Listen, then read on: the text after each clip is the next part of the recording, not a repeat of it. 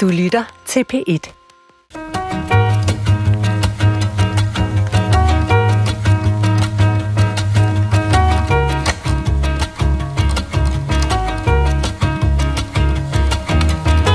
Jeg vil tale om ilden.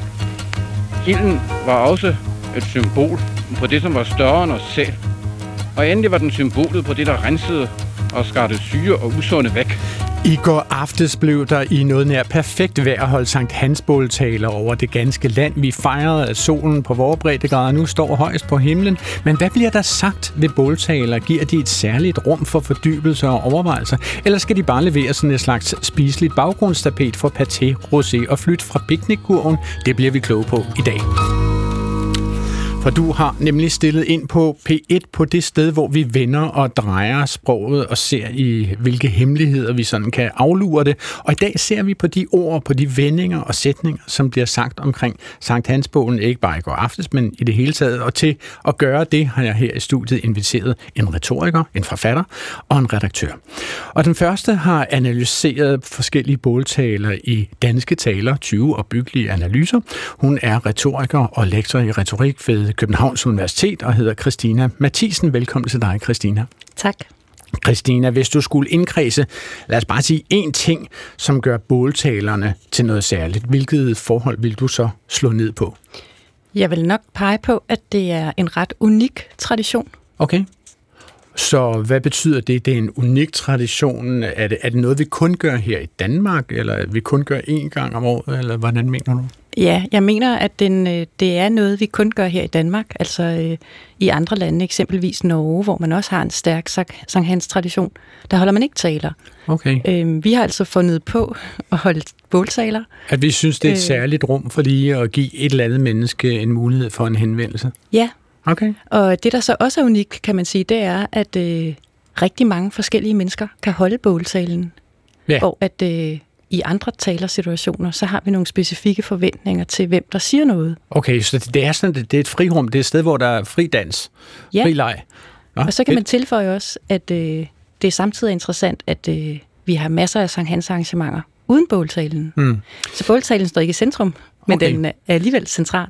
Min næste gæst er uddannet Kant Adam Pol og tidligere nøgenmodel for, løgn. Hun har brugt både uddannelsen og alt muligt andet i sit liv til at være filminstruktør, foredragsholder og forfatter til mange historiske værker, blandt andet Lillis Danmarks historie kvindeliv i fire generationer. Hun hedder Pia Fris Lanet. Velkommen her til programmet, Pia. Tak skal du have. Pia, altså du er jo selv stået på Herregården og kunsthandlen Rønnebæksholm og har holdt en båltale, og jeg vil gerne gå lidt længere ind i indholdet af den båltale lidt senere i udsendelsen udsendelse, men bare sådan her til en begyndelse.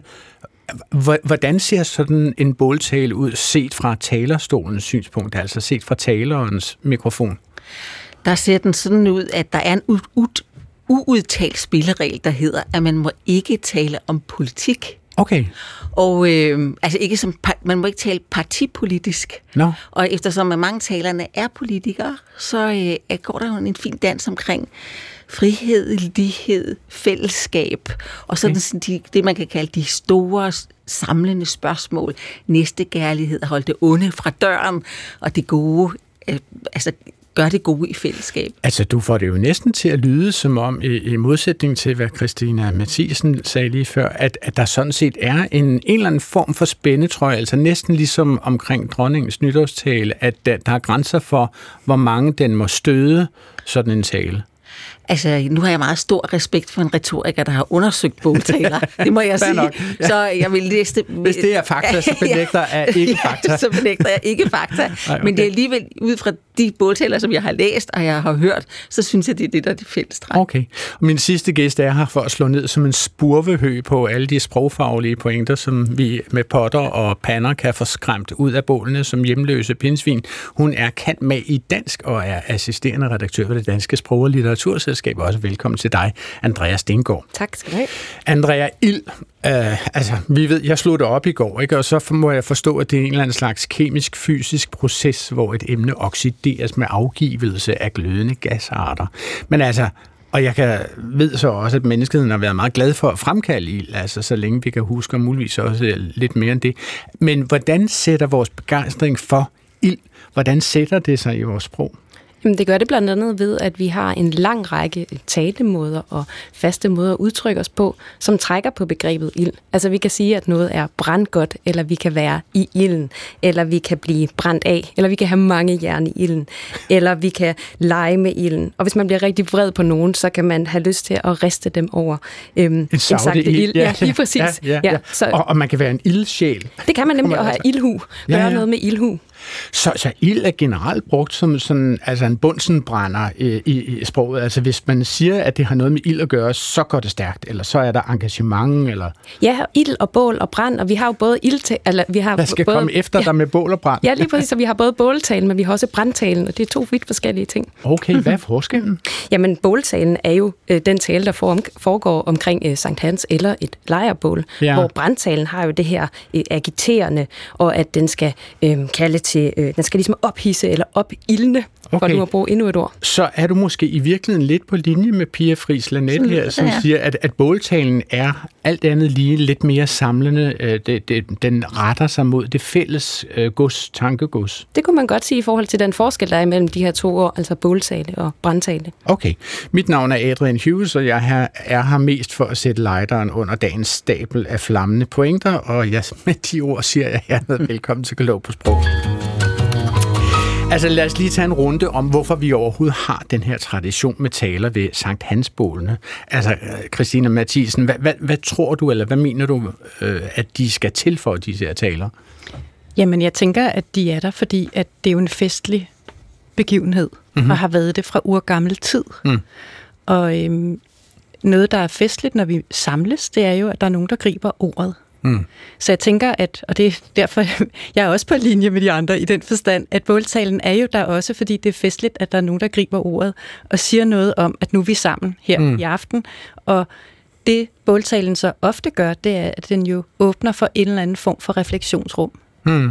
Øhm, så den siger noget om vores samvær, vores måde at have omgang med hinanden på. Noget om vores normer. Mm. Øhm, og det kan den gøre på en øh, harmonisøgende maner, hvor man, øh, hvad kan man sige, minder om fine fælles værdier, øhm, men den kan også gøre det på en lidt mere revsende façon. Mm. Pia Friis Lanet, altså hvilken, hvilken funktion vil du sige, at båltalerne udfylder? Øh, at den samler i et nationalt fællesskab. Jeg ved ikke, øh, ved du, hvornår de første båltaler kom ind? Jeg vil tro, at det var sådan i den der nationalistiske glød efter 1864, hvor man overhovedet kan begynde at tale om, at det blev sædvanligt at holde båltaler. Tager jeg fejl i det? Ja, vi skal lidt længere frem øh, i forhold til det, jeg har fundet. Ja. Altså, der skal vi sådan øh, frem til sådan noget 1920-agtigt. Ah, det var også der, den øhm. første heks kom på bålet, stråheks kom på bålet, ikke? Nå, hvornår var det, Pia? Ja, det har jeg læst mig frem til, at det skulle være i 1920, ja. omkring 1920. Oh. Det, er, det er også det, jeg har set og, og, og, og læst mig frem til, og at det sådan er inspireret af den tyske valborgsaften. Ja, Altså, det er sådan og, en... og hvad, er, hvad er Valborgs aften? Ja, det er, jo, øh, det er jo så en anden begivenhed, som svenskerne også fejrer. Det er der, de har bål. Øh, den ligger øh, dagen før. Det er lige slutningen af april. No. Øh, og der tænder de bål, og det er øh, en fortælling om øh, Valborg, der følger hekserne heksene til Bloksbjerg. Til, Bloksbjerg ja. ikke? Og så danser de der for at uh, afslutte vinteren og byde sommeren velkommen. Præcis. Okay. Og H.C. Andersen havde selv set det. ja, så må det jo passe. Ja. Det ved man jo. Okay. Men altså, prøv lige at høre. Lad os lige blive lidt ved de der hekse.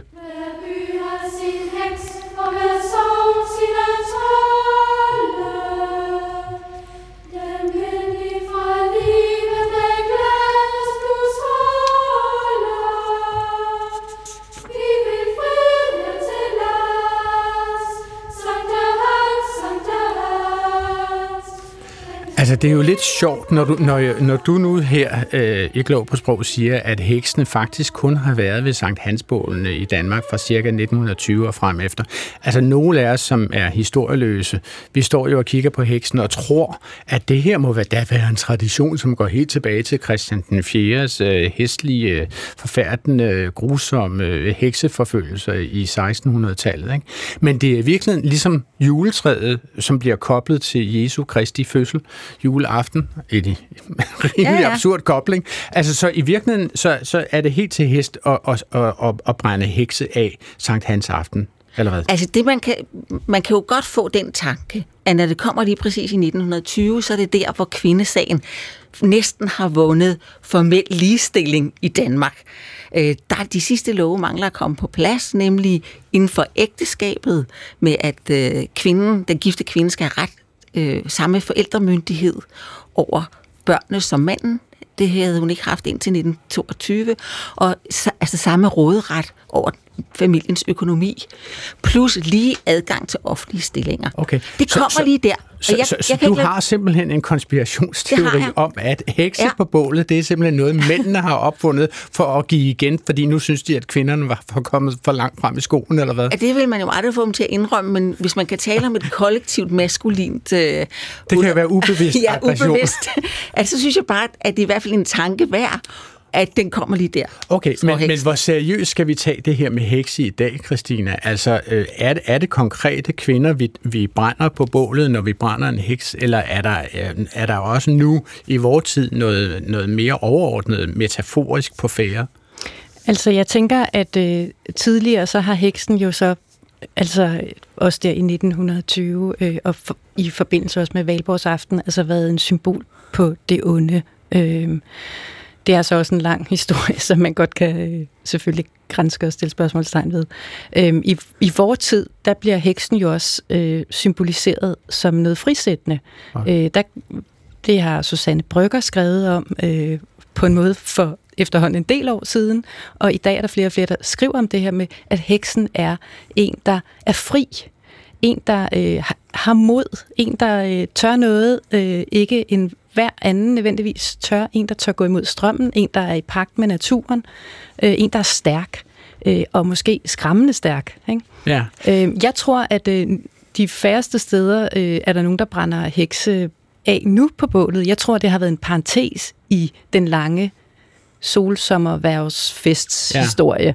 Ikke? Så du tror, vi, vi er nødt tilbage. til at finde nogle andre symboler på det, det onde, vi sender afsted til Bloksbjerg, end, end lige præcis en kvinde med en høj, jeg, høj troldehat? Altså selv har jeg ikke set nogen hekse øh, på bål øh, de senere år. Nej. Øhm, Nej. Men, men, men vi bruger jo stadigvæk heksen øh, altså i båltalerne, altså der dukker som symbol, som symbol ja. ikke? Christina, hold den tanke, den vil jeg gerne lige vende tilbage til. Fordi jeg vil lige tage et uh, lytterspørgsmål, som handler om ild.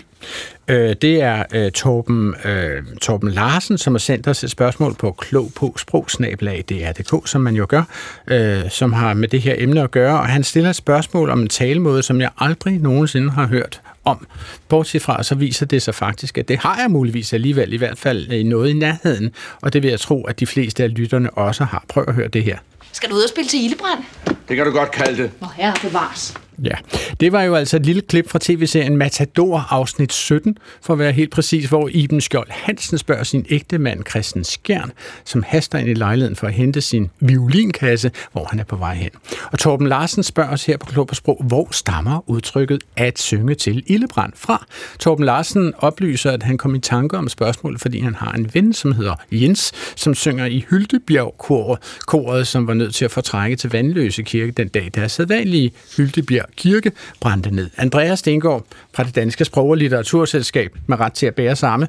Altså, kan du kaste et forklarelsens lys over begrebet og synge til ildebrand? Jeg kan gøre et lille forsøg i hvert fald. Lad os starte med, at det kan både hedde at spille til ildebrand og at synge til ildebrand. Okay. Og jeg skal også være den første til at afsløre, eller nu er jeg så den anden til at afsløre, jeg har heller ikke hørt om det her udtryk før, og jeg tak. kendte det ikke. Kom i mine arme. Ja, så derfor så tror jeg, at vi skal starte med, hvad betyder det overhovedet? Jeg ved godt, vi skal spørge på, hvorfor, eller svare på hvorfor. Altså lad mig lige spørge Pia Friis Lanet og, Christina Mathisen, har I hørt det her udtryk, at synge til ildebrand eller at spille til ildebrand? Altså, jeg har sådan en svag klokke, der ringer op, at det, hvis man ligesom sådan sidder og godter sig over andres ulykke, men jeg tør ikke... At der er noget skadefro i det? Ja. Okay. Kender du det, Christina? Nej, jeg Nej okay. Det. Så, så, så hvad, hvad er du nået frem til, Andrea? Ja, altså vi har det ikke i nogen af vores ordbøger. Jeg har ikke kunne finde det i nogen af vores tekst, tekstsamlinger heller ikke. Så, så det er relativt sjældent. Øh, det optræder dog i Matador, så en vis udbredelse må det jo nok have, øh, have haft. Ja, altså dem, som skrev Matador, må jo have kendt det ja. som mindste mål. Og de må også have haft en forventning om, at dem, som så Matador, ville forstå. Det er netop det, ja. Interessant. Altså i hvert fald ser det ud til, at der er en helt konkret betydning i omløb, som kan betyde noget i retning af, jeg er ude og synge til Sankt Hans. Ja, no, altså jeg okay. i konkret forstand er ude at synge til en ildebrand. Det er nok en tilsnigelse at kalde Sankt Hans for en ildebrand. Men, men ikke desto mindre kan det, op, øh, kan det optræde i den ja. sammenhæng. Ja, men der, der er jo simpelthen forskel på brand og ild, kan man sige. En brand er, er ild, der er ude af kontrol, og et bål er ild, der i den grad er i kontrol. Ikke? Ja. Og at synge til ildbrand, der, så, så må man nødvendigvis synge til noget, der er ude af kontrol. Ja, det kan man godt sige. Men her er det så brugt i en betydning, hvor det bare er til, til noget, der, noget, der flammer op. Men sig mig gang, hvordan ser det ud på det danske sprog- og litteraturselskab, når man stiller sådan et spørgsmål Jamen, vi er på den anden ende. Vi løber rundt på gangene, og vi har armene langt over hovedet. Øh, og er, øh, det er simpelthen os. en kogle i en myretue. Ja, det er skønt, men, men det der så også er, at vi har en lidt mere overført og billedlig betydning i, i omløb, og det er den, som øh, øh, tror jeg er den, der bliver brugt i Matador. Og her betyder det nok noget i retning af at, at lave rav i den, og okay. lave ballade, ja. eller måske at gøre noget, øh, sådan slå sig lidt løs. Og det er fordi Christen Skjern er jo på det her tidspunkt begyndt at gå ind i modstandsbevægelsen, og så kan der jo hurtigt gå meget galt, det ved vi jo alle sammen. Ja, Okay. Ja, men det lader så også til, at man, det kan dække over, at man, man gerne vil, at man, at man gerne vil dække over, øh, øh, hvor man har været, eller hvor man er på vej hen. Så kan man spørge, hvor har du været ude at spille til Ildebrand? Det er storartet. Nu talte vi jo om, om disse her hekse før, og vi, jeg vil gerne spille en del eksempler på folk, som på forskellige måder identificerer sig selv med hekse. Altså de solidariserer sig med dem, fordi de selv synes, at de som kunstnere eller i øvrigt øh, på forskellige måder er sådan udgrænset. Ikke? Og en af dem, jeg vil tage, tage frem som eksempel, er den danske forfatterinde Karen Bliksen. Hun blev på et tidspunkt spurgt, om hun ville holde en tale om kvindesagen, og, og der sagde hun egentlig nej tak, for hun ville faktisk hellere øh, høre og se Hamlet på Kronborg. Men 14 år efter, så tog hun handsken op og holdt en båltale, hvor hun faktisk taler imod kvindesagens argumentation for ligestilling, som hun faktisk ikke var tilhænger af. I talen så leder hun efter den væsensforskel, der rigest betinger samspillet og vældigst vækker inspirationen. Karen Bliksens beskrivelse af den uforanderlige og konstante biologiske forskel på de forskellige køn lyder sådan her. Skal jeg fra mit eget synspunkt definere denne dybe, inspirerende forskelligartighed hos menneskenes to, menneskehedens to køn, der udtrykker jeg min opfattelse bedst i det, jeg siger. Mandens tyngdepunkt, hans væsensgehalt, ligger i, hvad han i livet udfører og udretter. Kvindens i, hvad hun er. Taler man med et menneske om hans forældre, vil han i almindelighed meddele, hvad hans far har udrettet i verden. Min far byggede Storstrømsbroen. Min far skrev den og den bog. Min far startede den og den store forretning. Og spørger man ham så om hans mor, sværer han, Mor var så yndig. Ja. Så vidt, uh, Karen Bliksen, Pia Friesland Net, altså når man, uh, som jeg jo for eksempel har, uh, læser din Lillis Danmarks historie, og sådan, også fra dit øvrige forfatterskab, så fornemmer jeg lidt, at du måske ser på ligestillingen mellem kønnene på en lidt anden måde, end Karen Bliksen gør det. Ja. Altså, kan du, kan du ligesom, kan du påskynde den retoriske kvalitet i den måde, hun afleverer sin båltale, selvom du formentlig er uenig med hver en stavelse i det, hun siger? Ja, med hele båltalen fylder fylder 15 sider. Det er en lang retorisk fornøjelse. Er det det? Ja, okay. hun er jo forførende i sit sprog. Og Hvordan hun, det? Jamen på den måde, at hun har en pointe, og så udvælger hun med omhu og sin, sit talent for at fortælle historier. Ja. Lige præcis de eksempler, der underbygger hendes forestilling om kønnene. Okay, så hun, hun står på en, en solid retorisk platform ja, for at sige noget, som du ikke er enig med hende ja. i. Altså hun siger et andet sted i samme boldtale, så siger hun, Øh, altså fordi hun jo sådan set ikke af egen drift har taget kvindesags øh, historien op, eller sagen op. Ikke? Og så siger hun, hvis de da vil udbryde, så er der der heller ingen, der har bedt dem om at tale om denne sag. Så må jeg jo svare dem, at jo, det er netop det, der er. Jeg er af kvinder, som forstod sig på kvindesagen, og som hele livet igennem har beskæftiget sig med den, blevet opfordret til at tale om den. Hvordan synes du, det fungerer rent retorisk, Christina?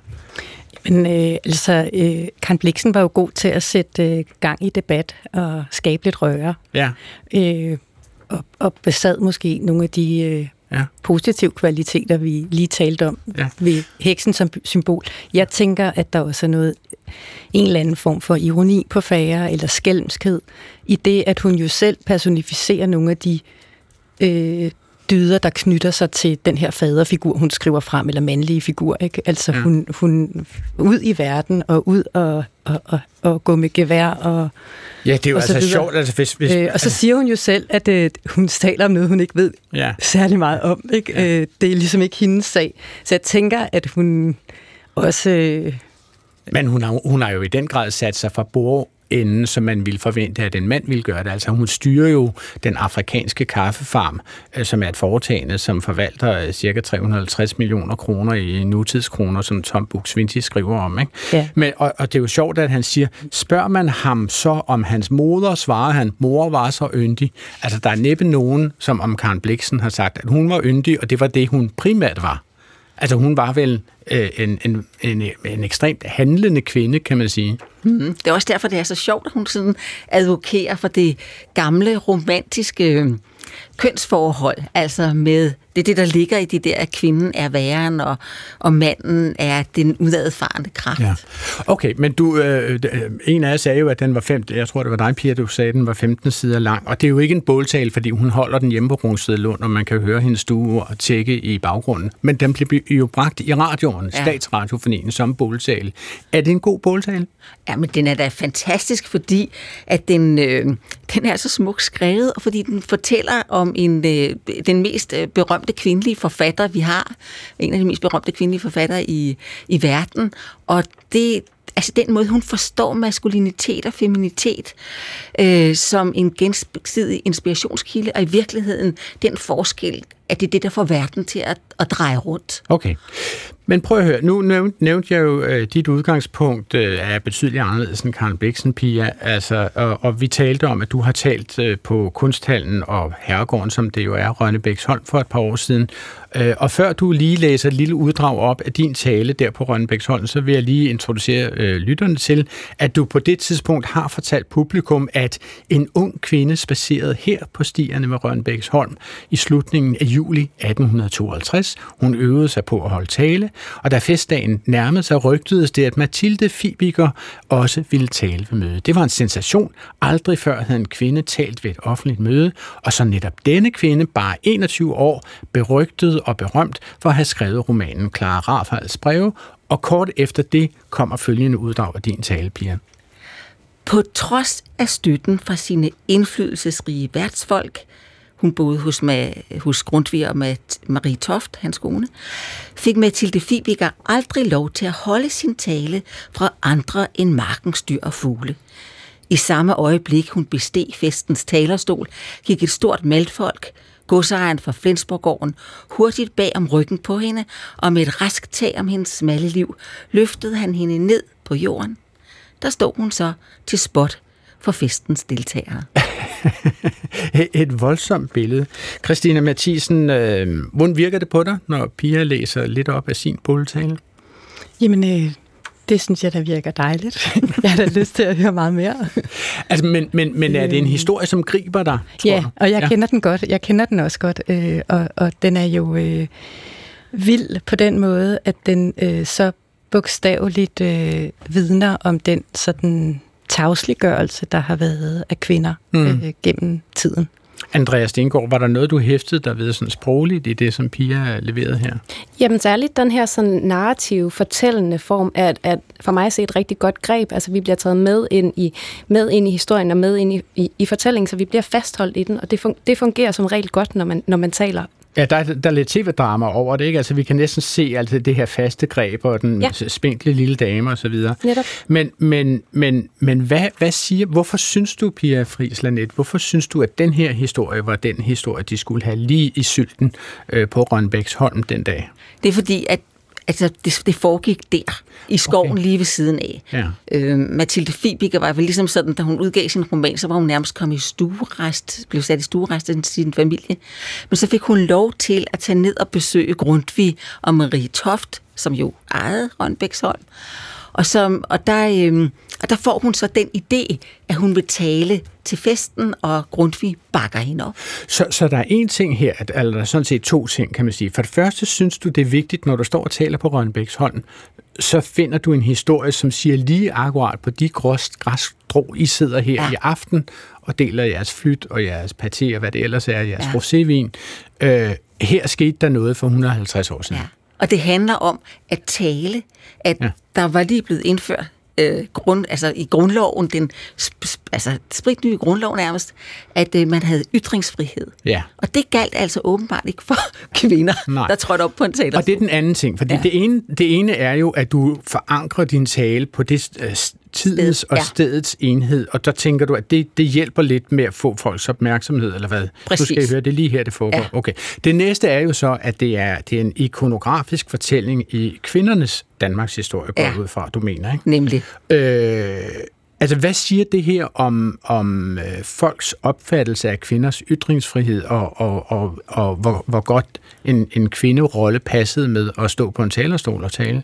At det, det er jo altså en meget vigtig pointe, hvor svært det har været at få inkorporeret en, altså en gestikulerende, øh, højt talende, direkte kommunikerende med at se folk i øjnene med det, man kan omfatte som almindelig naturlig kvindelighed. Mm-hmm. Altså fordi der ikke var mikrofoner og PA-anlæg? Så måtte man jo simpelthen altså, råbe højt, slå ud med arme og ben, have en voldsom gestik, Samme problem var jo for kvinder, der gik ind i politik dengang, at for at slå igennem i en stor forsamling, skulle de opføre sig på en måde, der var ukvindelig, defineret ja. som ukvindelig. Okay, og det der med at stå og tale der, det var sådan det sted ukvindeligt, og det var det, som godsejeren der reagerede på. Altså, Fri, Pia Friis Lanet, altså undervejs i din tale, så bevæger du dig jo så fra Fibikers øh, tid hen til din egen barndom. Kan du ikke lige læse øh, øh det stykke op af din tale? Jo, Øhm, det er lige efter, at øh, amerikanerne er landet på månen. Så snart jeg kom i skole, overtalte jeg sammen med nogle kammerater vores geografilærer til at tale om måne, månerejser. Han var lige så fascineret som os og fortalte malene om vores solsystem og rumfartsprogrammet. Men en vigtig ting kom han slet ikke ind på, så jeg stak fingeren i vejret og spurgte undrende, hvorfor er der ingen kvindelige astronauter? Så lagde han sig ruten i tavlens skridtrende. Jo, dengang måtte lærerne ryge i klasseværelset. Lænede sig ud over katedret, rømmede sig og sagde med alvor i stemmen. Det er fordi kvinder får menstruation. Christina Mathisen, hvad, hvad kan den her lille sekvens som en del af en båltale? Øh, jamen det, den peger på, det er jo, at den peger på øh, noget, der tidligere har været øh, tabuiseret. Og øh, der kan man sige, at nu er temaet jo øh, kvinder og kvinders øh, taletid, kan man sige. Øh, og, og, og, og der ligger det så selvfølgelig i, i, i kølvandet på det, altså at kvinder ikke øh, har haft den mulighed, mm. som de har i dag. Øh, men, men jeg tænker også, at det at tage fat i noget tabuiseret Sankt Hans Aften også ligger som et emne, mange griber ud efter. Okay. Altså det vil sige, at man tager fat i noget af det, vi normalt ikke taler om. Øhm, jeg skal, det vi helst ikke vil pege på. Christine Mathisen, jeg skal lige fortælle dig, at dette programs primært tilrettelægger Clara Sofia Vind, Lit, eller uh, Lit Vind, uh, lige i min øresnegl har sagt, hvad er det menstru- hvad er det tabuiseret? Er det menstruation Nej, eller hvad? det er, altså, ja, det er det jo ikke i... Nej. det, det er det tydeligvis ikke i dag, nej, kan man nej, sige. Ikke? Altså, Men det er det jo, altså for eksempel i Pia Friis Lanets barndom. I, jeg rødnede til tæerne, da han sagde det. Gjorde du det? Okay. Ah, ja. at, at han overhovedet fra skoletavlen der i 1969 i din barndom og, og omtalte menstruation? Jeg kan stadigvæk huske den der skamfølelse, der steg fra store tæerne op. Altså, ja. der var ingen, der nævnte det ord, og slet ikke, der, der var drenge til stede. Altså, de sad over i vinduesrækken. Okay. Det var, han lukkede munden sådan her på mig. Andreas Stengård, hvordan synes du, at den her øh, situationsbeskrivelse af en skolelærer, som lægger seruten fra sig i øh, kridtranden, øh, og så begynder at tale om menstruation, hvordan synes du, den virker øh, sprogligt set? Vi er jo igen ude i det her øh, fortællende format, og, og understøttet yderligere af, at vi har et dialogformat. Altså vi har nogen, der taler sammen, og det bliver gengivet. Og det fungerer godt. Men jeg lægger også mærke til den her metakommentar. Jo, dengang måtte man ryge i klasseværelset. At det er jo sådan en, hen, en fin henvendelsesform til den øh, uforstående læser, der siger, hov, det må vi ikke i dag i den, ja. i den danske folkeskole. Det kan være, Pia, at du også skulle have sagt, og jeg skal lige sige til dem, der er under 26 øh, her til stede i dag, menstruation har på et tidspunkt været tabu øh, for nogle kvinder, eller alle kvinder faktisk. Men altså, nu taler vi om det her med tabuer, ikke? Og, og der kan vi jo øh, tage sådan en som Anna Jul, som holdt en tale på Islands Brygge i 2019, en båltale. Øh, og der kommer hun ind på et tabu, altså hun kommer, kommer faktisk, der kommer en passage i hendes tale. Tidligere i talen, skal jeg hilse at sige, har hun identificeret sig selv som både heks og heksetrold. Så hun tager simpelthen de to øh, øh, betegnelser i øh, Holger Drachmanns midsommervise og siger, jeg er både heksen og trolden, så prøv at beskytte jer mod mig i hvert et sovn. Ikke? Men så kommer hun ind på noget, som, hvor jeg vil sige, øh, det kan godt være, at stemningen bliver en lille smule presset. Prøv at høre. Jeg har ikke de store minder forbundet med Sankt Hans Aften, hvilket jo gør mig til en oplagt taler til et Sankt Hans Aftens arrangement. Faktisk kan jeg kun huske Sankt Hans Aften sidste år, øh, men det var nok fordi, at jeg blev indlagt på den lukkede på Sankt Hans Aften sidste år. Jeg havde for nu at blive aftens tematik ukrudt i hovedet, der havde spredt sig så meget, at jeg ikke havde lyst til at leve mere.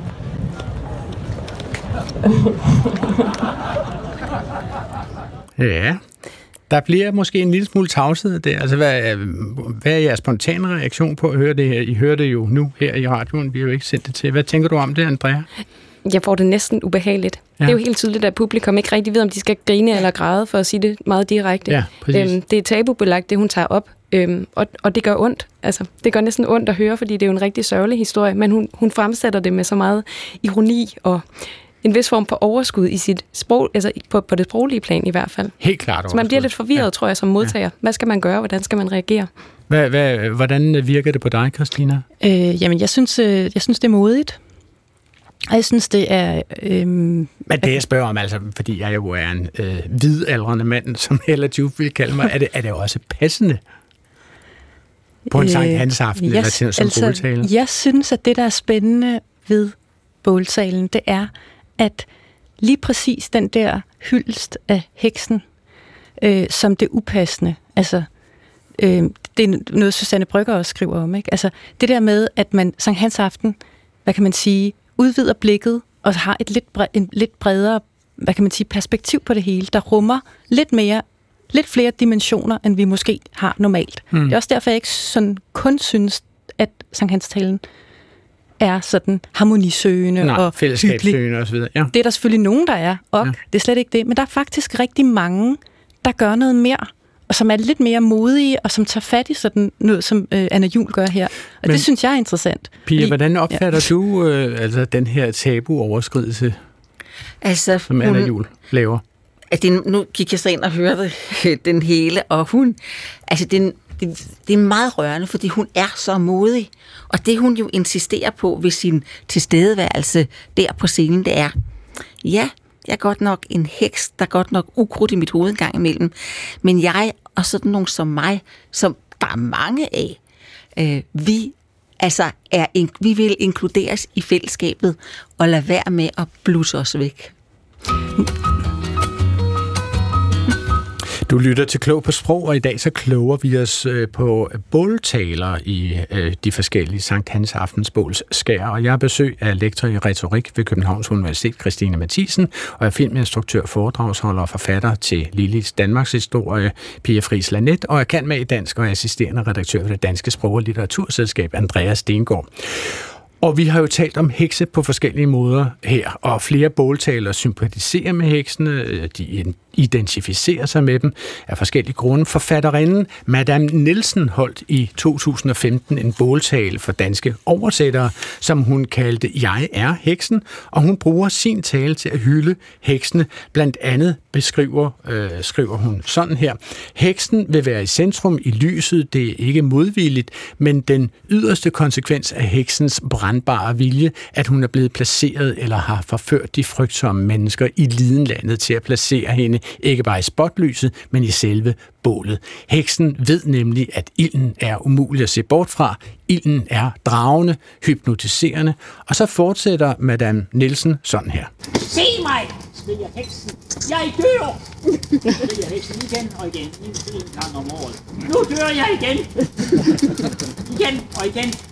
Heksen elsker gentagelsen. Skandale efter skandale. Jeg dør, jeg dør, skriger hun og farer op. Heksen er opfarende. Heksen har ingen jordforbindelse. Heksen er en fantast, en fanatiker, en ildsjæl. Ja, det er ikke jeres radio, der er noget galt med. Det er desværre en hæslig optagelse, vi, vi har af den her båltale. Christina Mathisen, altså, hvad er det for retoriske, retoriske virkemidler, som Madame Nielsen tager i anvendelse her? Altså en helt oplagt at nævne er selvfølgelig gentagelsen. Mm-hmm. og der er jo noget metakommunikation der, fordi han taler om, øh, at heksen elsker gentagelser, og så mm. Leverer og så gentager han, han også selv, eller hun, også en masse, selv. Ja. Hun leverer en masse gentagelser om, at hun dør. Øh, så den er i hvert fald øh, øh, værd at fremhæve. Og så kan man sige, altså, der, der er vel også noget performativt her. Altså, det, det, næsten, det lyder lidt for mig som om, at der går skuespil i den, at det her bliver en scene, hvor heksen personificeret, eller i hvert fald spillet af Madame Nielsen, får lov til at spille igennem. Mm. Altså, ja, så. ja og, og det er vigtigt, fordi noget af det, der er centralt i den tale, det er jo øh, nødvendighed, nødvendigheden af, at nogen skriger. Ja. Og det vi hører her, det er også, at Madame Nielsen skriger. Som heks. Ikke? Og hvad har vi instinktivt lyst til at gøre, øh, når vi hører nogen skriger? Det er at holde os for ørerne. Ja. Øh, og det er apropos det der med det tabuiserede, eller, øh, det, eller det, altså, det, er jo en opfordring til, at det er vigtigt, at der er nogen, der skriger. Ja, altså for at det ikke skal være løgn, så har Madame Nielsen faktisk i går øh, holdt en opdateret udgave af den samme tale her på Sorø Kunstmuseum. Så at det, det, det er til synligheden en, en ret øh, langtidsholdbar tale, hun har skrevet. Altså, hvad vil du sige, at Madame Nielsen har ramt rigtigt i den her tale, Andreas Stinko? Jeg synes, noget af det, hun gør helt fuldstændig eminent, det er, at hun er god til at bruge nogle udtryk, som kobler en meget øh, konkret betydning med sådan en mere billedlig betydning. Altså vi har det her med, at øh, øh, at når man bruger ordet øh, jordforbindelse eller ildsjæl, de to ord kender vi jo fra vores dagligsprog, men når man bruger det i sammenhæng med hekse, så får det jo pludselig en helt anden betydning. Altså, heksen har jo ingen jordforbindelse, fordi hun bliver skudt til Bloksbjerg. Ja, eller, fordi hun jo altså trans- transporterer sig rundt i verden på en kost, ved vi. Nemlig, og hun bliver jo fysisk en ildsjæl, fordi hun, hun går op i røg. Så der er sådan en, øh, hun er helt vildt dygtig til at lave de der billeder, som pludselig får sådan en dobbeltbetydning, fordi vi kan forstå dem konkret, men vi kan også forstå dem øh, figurativt, altså sådan i billedlig forstand. En anden, som holdt øh, båltale i går, var som ventet Inger Støjberg. Øh, ikke så langt fra, hvor hun bor i noget, der hedder Dalby Over. Og hun, var, hun sammenlignede sig ikke med en heks, men derimod med en havmåge. Øh, ikke en hvilken som helst måge, men derimod med en selvhjælpshavmåge, som blev meget berømt i Richard Bachs øh, bog fra 1970, og sågar som senere hen også som film med musik, som nogen af os øh, kunne lide og faktisk stadigvæk husker. Sådan her lød det, da Inger Støjberg holdt øh, båltale i går. Han bliver nemlig udstødt af flokken, og det gør han på grund af sit syn på livet. Da det sker, så kommer han jo helt naturligt nok i tvivl om, om det faktisk er det rigtige, han kæmper for. Om han har set forkert. Han kommer derfor også helt naturligt til at kæmpe en indre kamp for at blive en helt normal havmåge. Slå sig ned i flokken og forsvinde der blandt alle de andre havmåger. Men Jonathan, han er ikke ligesom alle de andre måger. Og det står også klar for ham til sidst, at det bliver han aldrig nogensinde.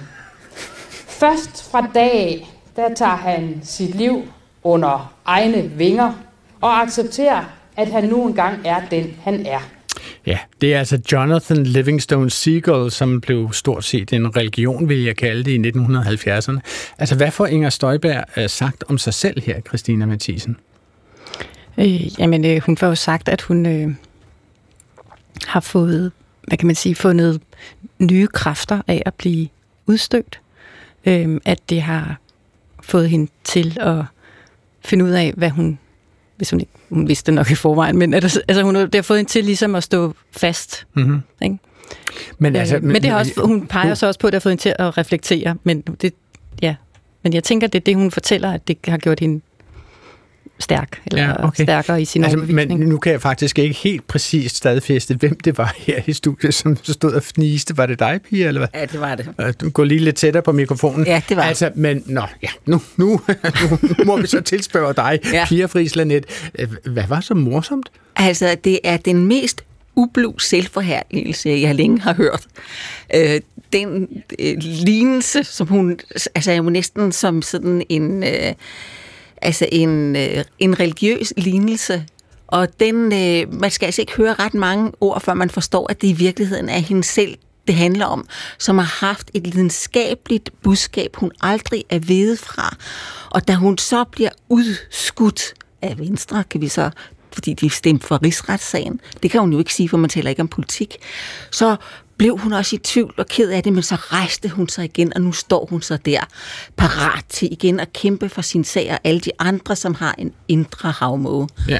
Altså, jeg synes simpelthen, det, altså, jeg, jeg hørte den i morges, og jeg kom simpelthen, altså jeg grinede så huset rystede, fordi det er så ublu Gør du jo selv. altid, Pia. Ja, det er selvfølgelig rigtigt, det, men jeg synes alligevel, at det, ja, at det er, det er, altså det, øhm, Ja, det, altså, det synes jeg faktisk var sjovt. Men Andreas Stenberg, altså når du hører det, altså, øh, tror du, at Inger Støjberg kommunikerer meget rent på den her måde, når hun laver den her metafor med at tale om en havmåge, som tror, at den er galt afmarcheret, men det viser sig, at det er den faktisk overhovedet ikke, og så skal den holde fast i sig selv? Jeg ved, jeg ved ikke, om, det, om jeg synes, det er rent. Den er jo så tyk af billedsprog, og vi er jo nødt til at få det der billedsprog hen på noget konkret, så vi kan forstå, hvad det er, det handler om. Og vi har ikke anden mulighed end at tolke, at det må jo handle om, om, om Inger Støjberg ja. selv. Og jeg, jeg synes simpelthen, den er for tyk. Øhm. Ja. Han bliver nemlig udstødt af flokken, og det gør han på grund af sit syn på livet. Ja. Altså, så hvis det er en direkte parallelisering med Inger Støjberg, må vi forstå, at hun blev dømt i rigsretten til to måneder på vand og brød, og i hvert fald fodlænke i eget hjem Ja. Øh, fordi øh, på grund af hendes syn på livet, ja, set. altså det er paralleliteten, Men altså, hvad, den er så hvad vil du sige, at noget er for tykt? Altså, hvornår bliver noget for tykt? Jamen, det gør det jo, fordi hun bliver ved med at bruge billedsprog. Normalt kan vi godt bruge noget billedsprog efter, efterfulgt af hinanden, og så vender vi tilbage til det konkrete. Men hvis vi fortsætter for længe billedsproget, så kommer man til at hænge lidt i luften, fordi man ikke er helt sikker på, sådan, hvornår kommer vi til det konkrete. Okay, nu skal I høre, øh, jeg vil gerne lige spille et andet eksempel, og det kan, det kan være, at det også er for tygt, øh, og jeg skal ikke sige, jeg vil ikke lukke ned for mikrofonerne, for det kan jo være, at der er enkelte, som begynder at fnise undervejs. Erling Jebsen, øh, han øh, blev af Deadline øh, på DR2 i 2013 bedt om at holde en båltale foran en skærm med en pejsevideo, og der sagde han blandt andet følgende. Nu vil vi rykke tættere sammen og huske på det, vi stadig har ukrudtet. Det vokser som før, især i udkantsområderne, og det er netop der, hvor der tilfældigvis også er stor arbejdsløshed. Den arbejdsløshed skal vi have gjort noget ved, og det kan vi gøre ved at få kaninfarmene tilbage. Med kaninfarme følger kaninslagterier. Tænk, hvad svinene har gjort for Danmark. Kaninkød er faktisk sundere. Det består af mindre end 2% fedt det er endnu mindre end i kylling. Og kaniner er ikke større, end at vi alle kan have en eller to i baghaven. På loftet og i kælderen. Christina Mathisen, altså hvad er det, Erling Jebsen fabler om i sin båltale her? Jamen, øh, han, øh, han har den her øh, idé om, hvordan han kan, hvordan Danmark kan komme ud af af økonomisk krise. Ja, ja. Øh, og, og det, det handler også om, om centrum og periferi, tror jeg vist nok, ikke? fordi han jo. gør meget ud af lige præcis i udkants Danmark, som han muligvis kalder vandkants Danmark, eller noget tilsvarende, der er det rigtig nemt at have kaniner. Og det er der, man mangler alle arbejdspladserne osv. Jeg tror, at han, altså, nu spørger jeg helt dumt, altså, mener han det alvorligt, eller hvad skal vi tro om det? Altså, øh, han er da meget ironisk. Ja. Øh, og, øh, og, og, og, og prøver jo med sin... Øh, tale her og øh, komme med sådan et øh, noget, der ligner et øh, rationelt resonemang, ja. øh, som handler om, at øh, det her øh, ukrudt og de her kaninfarme, de kan hjælpe os ud af økonomiske problemer og samtidig øh, sådan øh, øge vores sundhed. Ikke? Så, så er det et greb, man ser ofte i båltaler, at man simpelthen bruger ironi eller sarkasme eller sådan noget? Øh, nej, altså det, det optræder, vil jeg sige. Ikke? Det optræder ja. i visse båltaler. Og, og det, der er interessant ved den, synes jeg, det er, at han øh, forsøger at udstille nogle fælles værdier. Nu vender vi tilbage til det der med, om båltalen altid er harmonisøgende. Og her der har vi en båltal, som forsøger at udstille nogle øh, værdier. Han mimer jo et, et resonemang, som øh, vi møder andre steder. Ja. Ikke fra forfattere, men i politisk regi. Altså fordi han gør det så øh, hardcore økonomisk, altså han er helt nede og tale om fedtprocenter og, ja. og altså øh, og arbejdsløshed, og, altså ord, som man normalt ikke ville høre hos en forfatter eller en båltaler. Præcis, præcis. Ikke? Men han er også selvironisk, fordi det er jo samtidig med, at han øh, lancerer sin egen bog, der hedder Min Sønderjyske Farm. Ikke? så han peger også på sig selv. Ikke? Øh, så han gækker lidt og driller lidt. Det her er virkelig en sales pitch for en bog. det er det sådan set også. Ja. ja. Nå, men, det, men, men noget, jeg synes er interessant ved den, han peger på ukrudtet. Nu talte vi om Anna Jul. Hun pegede også på ukrudt. Mm. Ikke? De altså, Anna Jul, det skal jeg bare lige sige, Anna Jul peger på ukrudt, fordi det simpelthen er et tema for den Sankt Hans aften på Islands Brygge, hvor hun står og taler. Ja, det er derfor, og... hun siger, hun er ukrudt. Ja, men ukrudtet er så også op i hendes hoved, ja, og ikke rigtigt. på jorden, som det ja. er hos Erling Jebsen. Ja. Men de laver jo lyssætning på noget, som vi normalt øh, overser, og prøver at lyssætte det som noget, vi godt kan kigge på på en lidt anden måde. For Anna Jul, udover at gerne vil have mindre ukrudt i hovedet, så siger hun også, at ukrudtet i hendes hoved også får hende til at føle sig levende. Ikke? Er en kvalitet? Ja, en slags. det gør hun. Okay.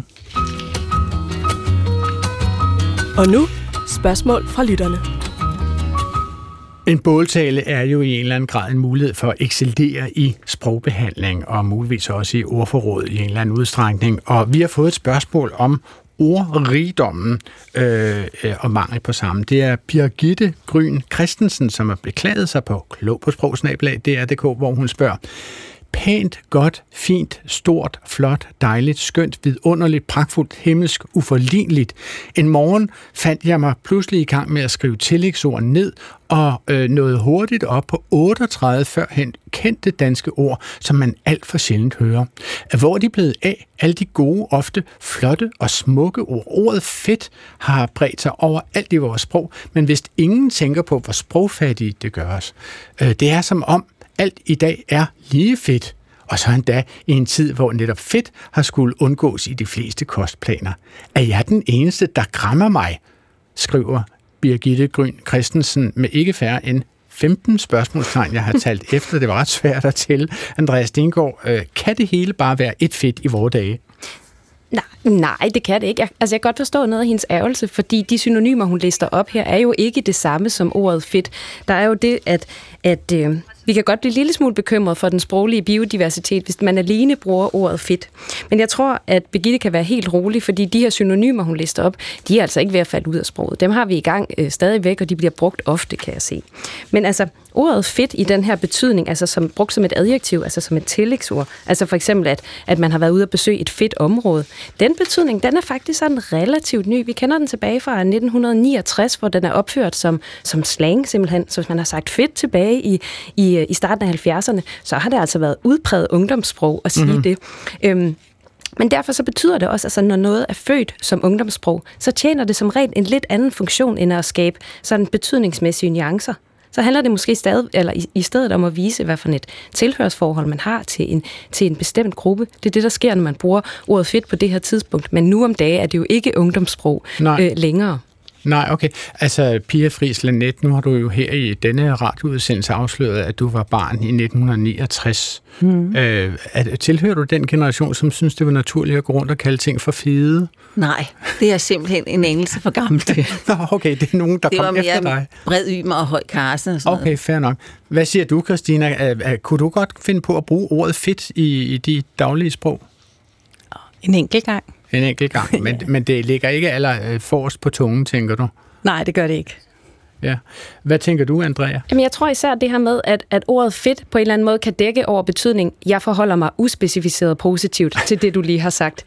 Det er altså rigtig godt at have et ord, der kan det. Er, er det en sproglig definition af ordet fedt? Øh, uspecificeret positivt? Desværre nej. Det var en, øh, den, den, den, den, står, den står jeg selv på mål for. Men, ja. men, men det er godt at have et... Jeg tror, at mange sprogbrugere finder det godt at have et, et, et ord, der gør det muligt, at man ikke skal specificere, i hvilken grad eller på hvilken måde, jeg synes noget er fedt. Og det kan ja. man jo så øh, ærge sig over og synes, at uha, så er vi ikke, er vi ikke, har vi ikke nok sproglig diversitet. Men det er måske også, fordi ordet fedt gør noget andet. Altså, vi bruger det også for at signalere noget andet. Okay. Altså, hvis vi skal tale om det her med at excellere i øh, sproget ved, ved Sankt Hans-talerne eller båltalerne, så kan vi vende tilbage til vores øh, søde Anna Jul, eller vores øh, altså psykisk udfordrede Anna Jul. Altså hun øh, talt, sagde tidligere, øh, som en del af den båltale, hun holdt på øh, Islands Brygge, hvor temaet jo altså var ukrudt følgende. En hurtig Google-søgning på ordet båltaler viser mig, at det er populært at citere fra midsommervisen, når man holder sin båltale, så som den originale person, jeg er, har jeg selvfølgelig tænkt mig at gøre det samme. Hver by har sin heks, og hvert sovn sine trolde, synger man. Og her refererer man nok til mig, tænker jeg. Københavns egen lille heksetrol. En kodyl kombination af messias og mindreværdskomplekser.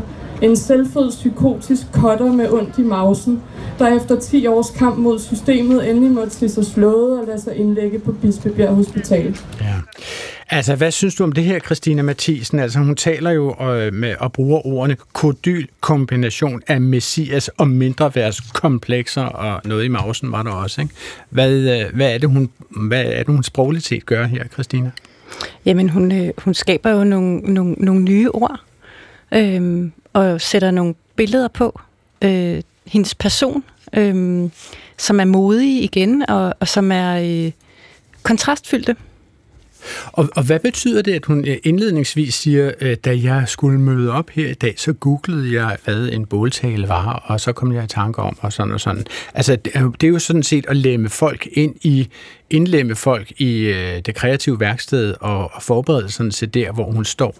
Hvad, øh, hvordan fungerer det, synes du, retorisk set, Christina? Jamen, på den ene side er det sådan lidt en klassisk ting, det der med, jeg, jeg er ikke taleragtig, eller jeg ved ikke så meget om det her. Ikke? Altså, så den, jeg var nødt til at google det. Så, så det er sådan du skal ydmygs... høre, hvad Wikipedia siger. Præcis, ikke? det er sådan en rigtig klassisk sådan ydmygheds... Øh, attitude, øh, samtidig med, at den jo så bliver øh, kontrasteret af det, der kommer efterfølgende. Men det, jeg også øh, tænkte på, da jeg læste, det var, at, øh, at hun på en måde også der peger på, at den der båltale som genre, den, er, den, den kan se ud på mange måder. Ja. Så hun, går, hun siger simpelthen, at øh, man kan vente sig hvad som helst, og så kan man roligt sige, så får folk det også. De taler kan godt være lidt utilregnelige. Vi nærmer os øh, så småt øh, indflyvningen til afslutningen af denne udsendelse, og inden vi runder den af, så skal vi lige dykke ned i et sidste lytterspørgsmål. Det er Eskil Særkær fra Frederiksberg, som synes, at ordet startet er, hvad man gør med en bil. Han vil til enhver tid foretrække, at man lader en samtale eller en tale begynde, eller man kan indlede den osv., og han blev derfor særdeles konsterneret over, at en vært på et sprogprogram som det nærværende kunne finde på at bruge ordet starte om en tale. Og til det øh, svarede jeg, jeg, denne lytter, at det kunne jeg aldrig, som i aldrig nogensinde finde på at gøre. Jeg er derfor fuldstændig, som i 100% enig med øh, Eskil Særkær fra Frederiksberg. Så, og jeg gennemgiver også manus for sidste uges udsendelse fra Folkemødet på Bornholm, hvor jeg kunne se, at det eneste sted ordet starte Varde optrådte uden et automobil ved sin side, var i et lytterspørgsmål fra en anden lytter, som en anden af Eskild. Ikke? Så vender Eskild Knagensbak med tilbage til os med en tidskode til sidste uges udsendelse, hvor man kan høre følgende. Jeg startede jo med øh, at, at fortælle om, øh, ja, hvor var det... Øh, Altså, ja, altså Maj Villadsen startede jo med at for, fortælle om børnefattigdom, kan man sige, og Pernille startede med at fortælle om sin meget, meget dejlige liv i Snækkersten med, med tre skønne børn, som nok skulle klare sig selv. Okay, okay, okay, Eskild Særkær. Det er en tilståelsesag. Jeg skal oplyse, at vinden blafrede igennem mit manus. Jeg er åbenbart ikke i stand til at tykke tykkegummi og slå mig på maven på samme tid, så det er en tilståelsesag. Undskyld, det vil aldrig ske igen før til næste år, jeg står på Allingehavn. Og det var altså en besked til Eskild Særkær fra Frederiksberg. Lad os lige bruge halvanden eller to minutter her på falderæbet. Nu har folk jo i grove træk 364 dage til at gå ud og forberede deres næste båltale. Hvad er de noter, de skal tage med fra denne masterclass, Christina Mathisen? Øhm, jeg synes, det må være, at de skal huske, at det er en aften, hvor de godt må være kreative. Godt. Hvad siger du, Pia Friis Lanette? Øhm, jeg synes, de skal huske, at hvis de gerne vil fremhæve sig selv, så skal de være meget, meget forsigtige med billedsproget. Nå. Og hvad siger du, Andreas Stengård? Jamen, jeg tror, det er vigtigt det der med at huske på, at man, og sikkert man kan blande noget hverdagssprogligt med noget lidt mere poetisk. Jeg synes jo, Anna Jul gør det øh, helt utroligt godt. Øh, måske kunne man gøre noget øh, i nærheden, at man er opmærksom på rytme, og at, at skabe gode, sådan lyd, god lydlig æstetik. Altså, mm. at, at, at det også lyder smukt, når man siger det, men at man også tør at være, være lidt ærlig og tale på en, på en nutidig og helt forståelig måde. Men, men nu kan man sige om dig, Pia, du er jo næppe den primære modtager af Inger Støjbergs øh, udsagn, ikke? Og, og det er måske lidt let at lade dig slippe med at sige, at man skal passe på med billedsproget. Tror du helt ærligt ikke, Pia, at det har virket meget godt på øh, for, øh, de mennesker, som Inger Støjberg henvendte sig til i øh, Dalby over? Altså, jeg tror, jeg, jeg ved det ikke, men jeg vil tro, at der er mange, som synes, at hun overskrider altså det, som vi tænker som sådan almindelig dansk beskedenhed. Ja. Og den, det er, øh, andre kalder det janteloven. Der er altså simpelthen en grænse for, hvor meget pænt man kan sige om sig selv. Og fremstille sig selv som øh, en frelser, der efter 40 dage i ørkenen er vendt tilbage klogere og med nye visioner, der kan samle fællesskabet. Okay. Det blev det sidste ord her. Jeg skal sige, at på næste fredag er det store Tour de France-dag med enkeltstarter i København, og de følgende dage bliver det jo i Odsherred og Storebæltsbroen og Fyn og Vejle og Sønderborg og mange andre steder. Og i den anledning har vi her i studiet besøg af Jørgen Mader og af Jørgen Let, begge kendt som cykelsportens sommerstemme gennem flere årtier. Og med os er også Lars Trapp Jensen fra det Danske Sprog- og Litteraturselskab, som har opdateret den danske ordbog med en syndflod af cykeludtryk som etapegevinst, eller også hedder det etapegevinst, Grand Peur og pointspurt og, og meget andet. Klog på sprog er ved at være færdig i dag.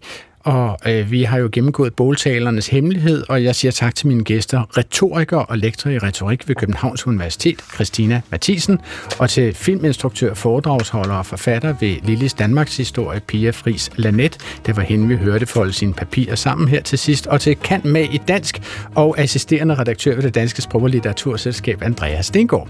Dette program var nærmest eksklusivt tilrettelagt af verdensstjernen Clara Sofia Lind Witt med ret til at bære samme med hjælp fra Svala Sigfuser som også stod for teknikken og præsenteret af mig, Adrian Hughes. Man kan altid sende kommentarer og sprogspørgsmål til os på klog på sprogsnablag.dr.dk. Og denne udsendelse er at finde på appen DR Lyd, hvor og når du vil. Og med det siger jeg så genhør på næste fredag op til middagsradioavisen. Har du fået foldet alle dine papirer sammen, Pia? Ja, ja. det er godt. Det står det godt. Gå på opdagelse i alle DR's podcast og radioprogrammer. I appen DR Lyd.